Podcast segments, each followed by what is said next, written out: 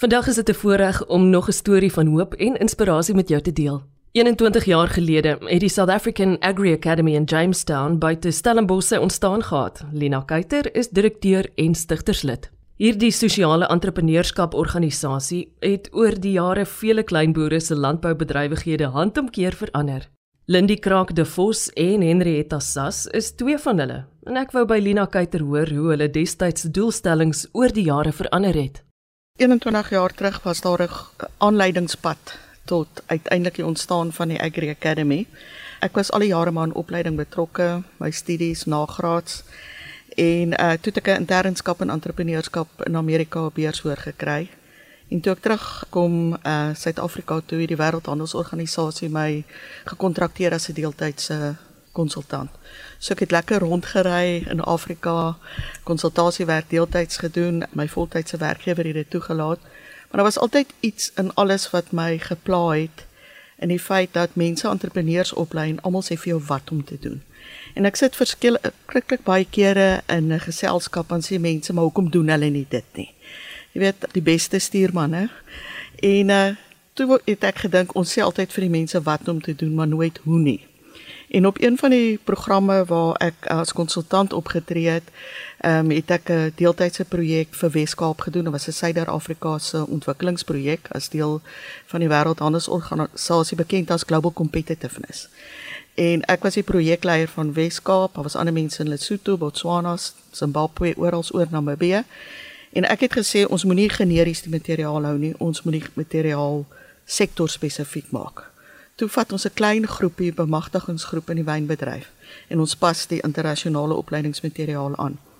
Die projek was befonds deur die Hollanders. Hulle het gesê hulle sal my opleiers oplei.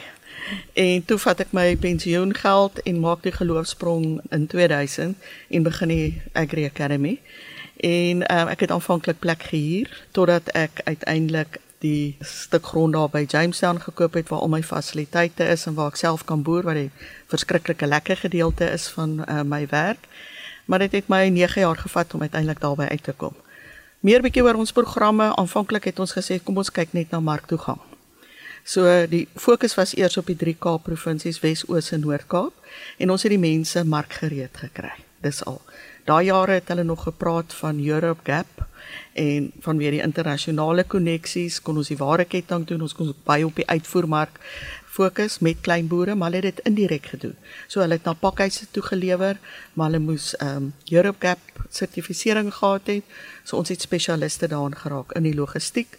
Dit het ons by ons program gebring. Ons het nog steeds daardie vlaggenskap program wat ons noem die MDP dis die Market Access Development program Dis 'n gefokusde, markgedrewe, produkspesifieke program wat die kleinboer help om te produseer vir die mark. Maar al die komponente van die wareketting, van hoe berei jy jou grond voor? Hoe neem jy grondmonsters? Hoe neem jy watermonsters? Hoe plant jy? Baie mense dink as jy die plant in die grond gedruk het, jy weet, ek ek oor 3 maande of oor 6 uh -huh. weke kan ek maar oes. So daar is daardie onderhoud en dan kyk 'n mens maar na logistiek en al die dinge. Ons kyk nie net na groente nie. Dit was vir ons maklik om in hierdie projek in groente te fokus want dit is 'n kontant krop, 'n cash crop soos hulle altyd sê en dit bring maklik kontant in in siklusse vir die boere. Want soos julle sal sien, my twee boere wat hier so saam met my is, Henrietta en Lindy, hulle het ook gemengde boerdery. So hulle boer ook met skape, hulle boer met varke, Ehm um, dis altyd vir my lekker as ek op Lindy se plaas kom en die skape ontjag die uh hoendertjies ook sommer aan.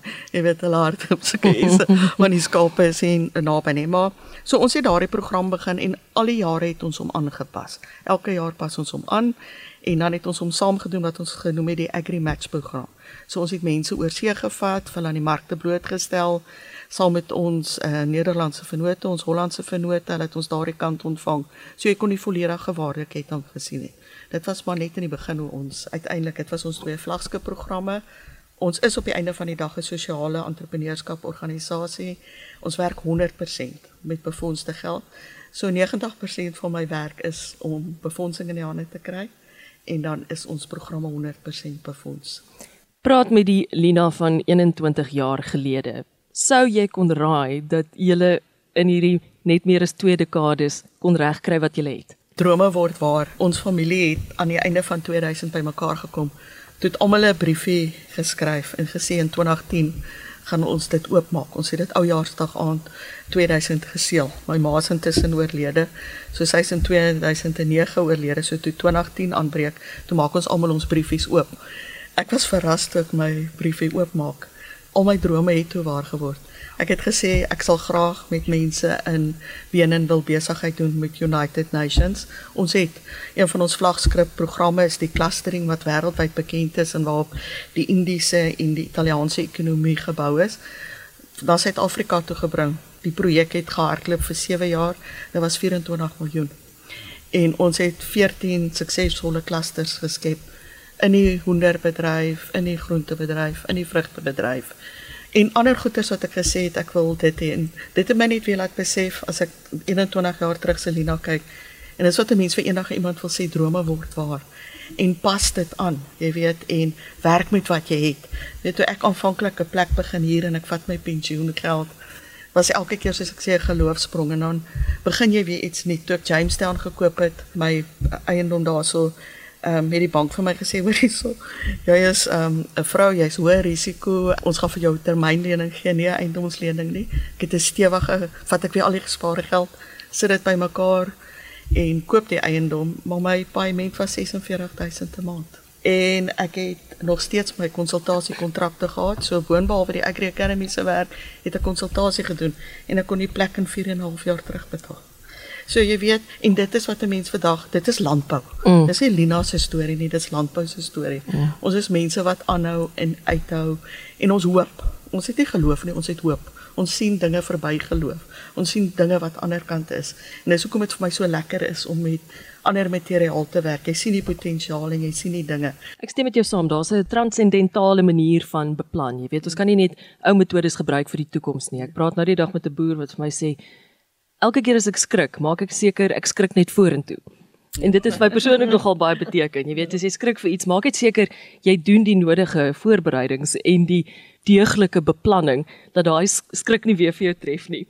'n nuwe opwindende projek wat twee waardeketings vir klein boere insluit. Lina, dis uh, groenteverbouing en die gasvryheidsbedryf. Lewer tog my kommentaar daarop. Jy weet, as 'n mens net bly in primêre produksie, is dit baie moeilik om geld te maak, want jy bly baie keer as 'n boer net soos hulle sê 'n price taker. Jy weet jy lewer, jy's maar verleef vir die mense wat die mark toegang het, maak nie saak wat 'n mark dit is nie.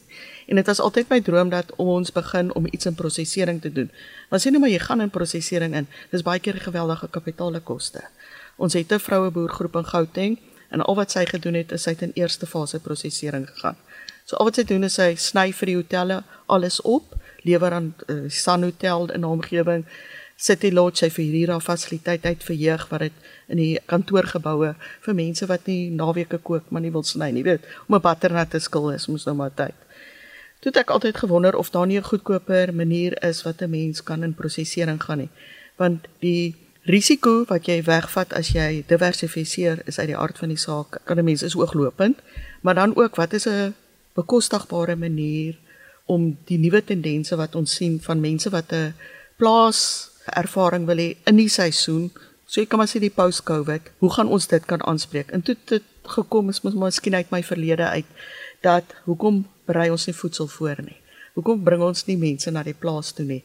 Want as jy gaan kyk na jou Europese mark, ek het baie lank met hulle ook van my vennote wat ek daar het gepraat jy het hierdie on-farm experience. Hulle het hierdie holiday farms en die een vrou het vir gesê toe sê ek ja maar ons kan net soveel kamers hê. Sy sê ons doen dit baie keer met een kamer op 'n plaas en mense kan dit doen. En toe het hierdie ding net begin eskaleer. En in die COVID tyd het kon ek met baie mense praat en toe uh, die befondsing vorendag gekom en 'n mens kon mense kon selekteer het. En wat toe lekker is is dit het net ontwikkel want dit is fleksie, jy weet, en hoe jy dit deurvat is van ek het eers gedink miskien gaan ons kyk na B&B's op plase of 'n gastehuis of jy weet kom help plant, kom help oes. En toe mense begin om te sê maar wat al van as ek 'n trailer het. So as die mense nie kan plaas toe kom nie, kan ek die plaas na hulle toe vat. Jy weet, so dit is dis nog steeds 'n ongelooflike dinamiese projek. En as jy net kyk die spyskaarte wat mense voorlê en sê, maar daar's 3 teikenmarkte in my omgewing is die mense wat na my toe gaan kom op die plaas, dis die plaasmarkte in my omgewing, maar daar's ook fabrieke. En ek kan miskien op 'n Vrydagmiddag my trailer daar gaan trek en vir mense sê mm. hier's iets bekostigbaar gesond vir jou vir die naweek. Mm. Het sy of dit 'n primêre groenteproduk is of vrugte of wat ook al jy deurgee. So dit is 'n verskriklike dinamiese projek, maar ek dink jy ons hoef altyd te dink mense moet plaas toe gaan nie. Maar dit is tog vir my lekker as ek op die plase kom. Ek besoek elke plaas wat ons oplei is, dit wat dinamika wat jy daar sien. En dit is wat die boodskap agter landbou gee daardie ervaring wat mense aan blootgestel kan word, maar bekostigbaar. En dan ook vir my die grootste aspek hiermee. Jy weet daar is 'n groot stigma Eloise teen klein boere maak dit nie. Mense kry plase. Dit maak my hart bitter seer. Hulle gaan dit tog nie maak nie. Dit is grond wat net en dit is ook 'n baie 'n moeilike situasie hierdie debat rondom grondhervorming en alles. Maar as ek net my klein bietjie verskil kan maak om te sê julle maak mense seer om dit te sien te veralgemeen maar daar is groot suksesstories.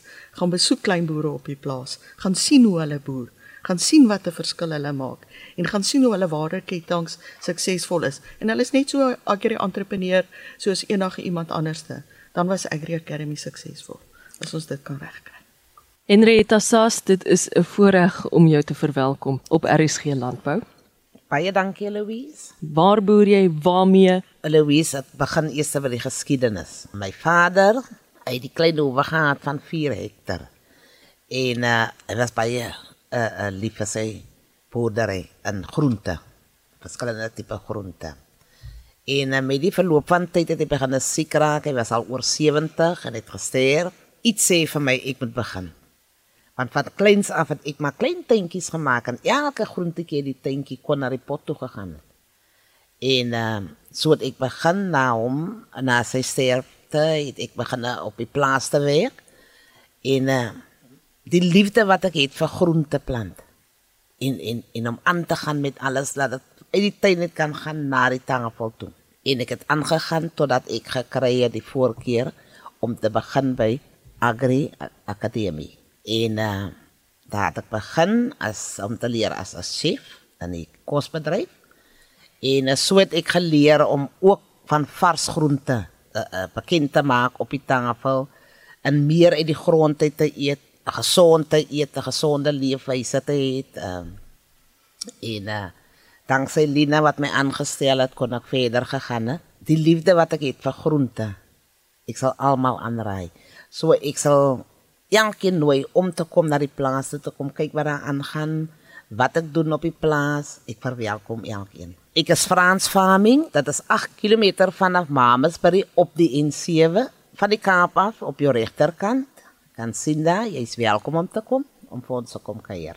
Lindy Kraak de Vos, joune is 'n landbouverhaal wat ek bitter graag ook wil hoor. Baie dankie Louise. Um eersins moet ek eerlik eerlik wees om te sê dat ek is nie gebore of met die liefde om te plant nie. Ek is nie gebore met groen vingers nie. Ek dink baie ek is gebore om in my gemeenskap te help. Ek het nou vroeër het ek met Henrietta gesels, so sê ek vir dat in my gemeenskap Mamri is 'n verskriklike hoë unemployment rate in ons dorp. En dit maak vir my hartseer dat so baie mense sans sonder kos gaan slaap. Waar Mamri omring is met vrugbare landbougrond en ek kan in my hart gekry dat ons die mense nie regtig benut nie. En deel van die Agri Academy en waarmee ons tans besig is, is om ons gemeenskap te kry dat hulle die grond begin te benut. Um op die plaas self, ons is drif, drifsoogte agricultural hub. Ons is geleë op die Mamri wegpad op pad na Darling toe. Ons is besig daar op 10 hektaar. Ons het gemengde boerdery, so ons plant 'n bietjie verskillende gewasse en dan het ons so ons het varke en daar's bokke en daar's 'n paar hoenders soos Lena sê wat daar rondhardloop. En dan wat ons ook doen daar is ons help ook dan op opleiding te kry vir toekomstige boere in ons dorp om te kom by ons is. Volgende week kuier ons verder by die South African Agri Academy in Jamestown buite Stellenbosch. En ons maak kennis met nog van die klein boere wie se paaie met die organisasie gekruis het. Deel gerus die program na jy dit afgelaai het vanaf die webtuiste van RSG. Ek is Eloise Pretorius en ek groet jou tot volgende keer.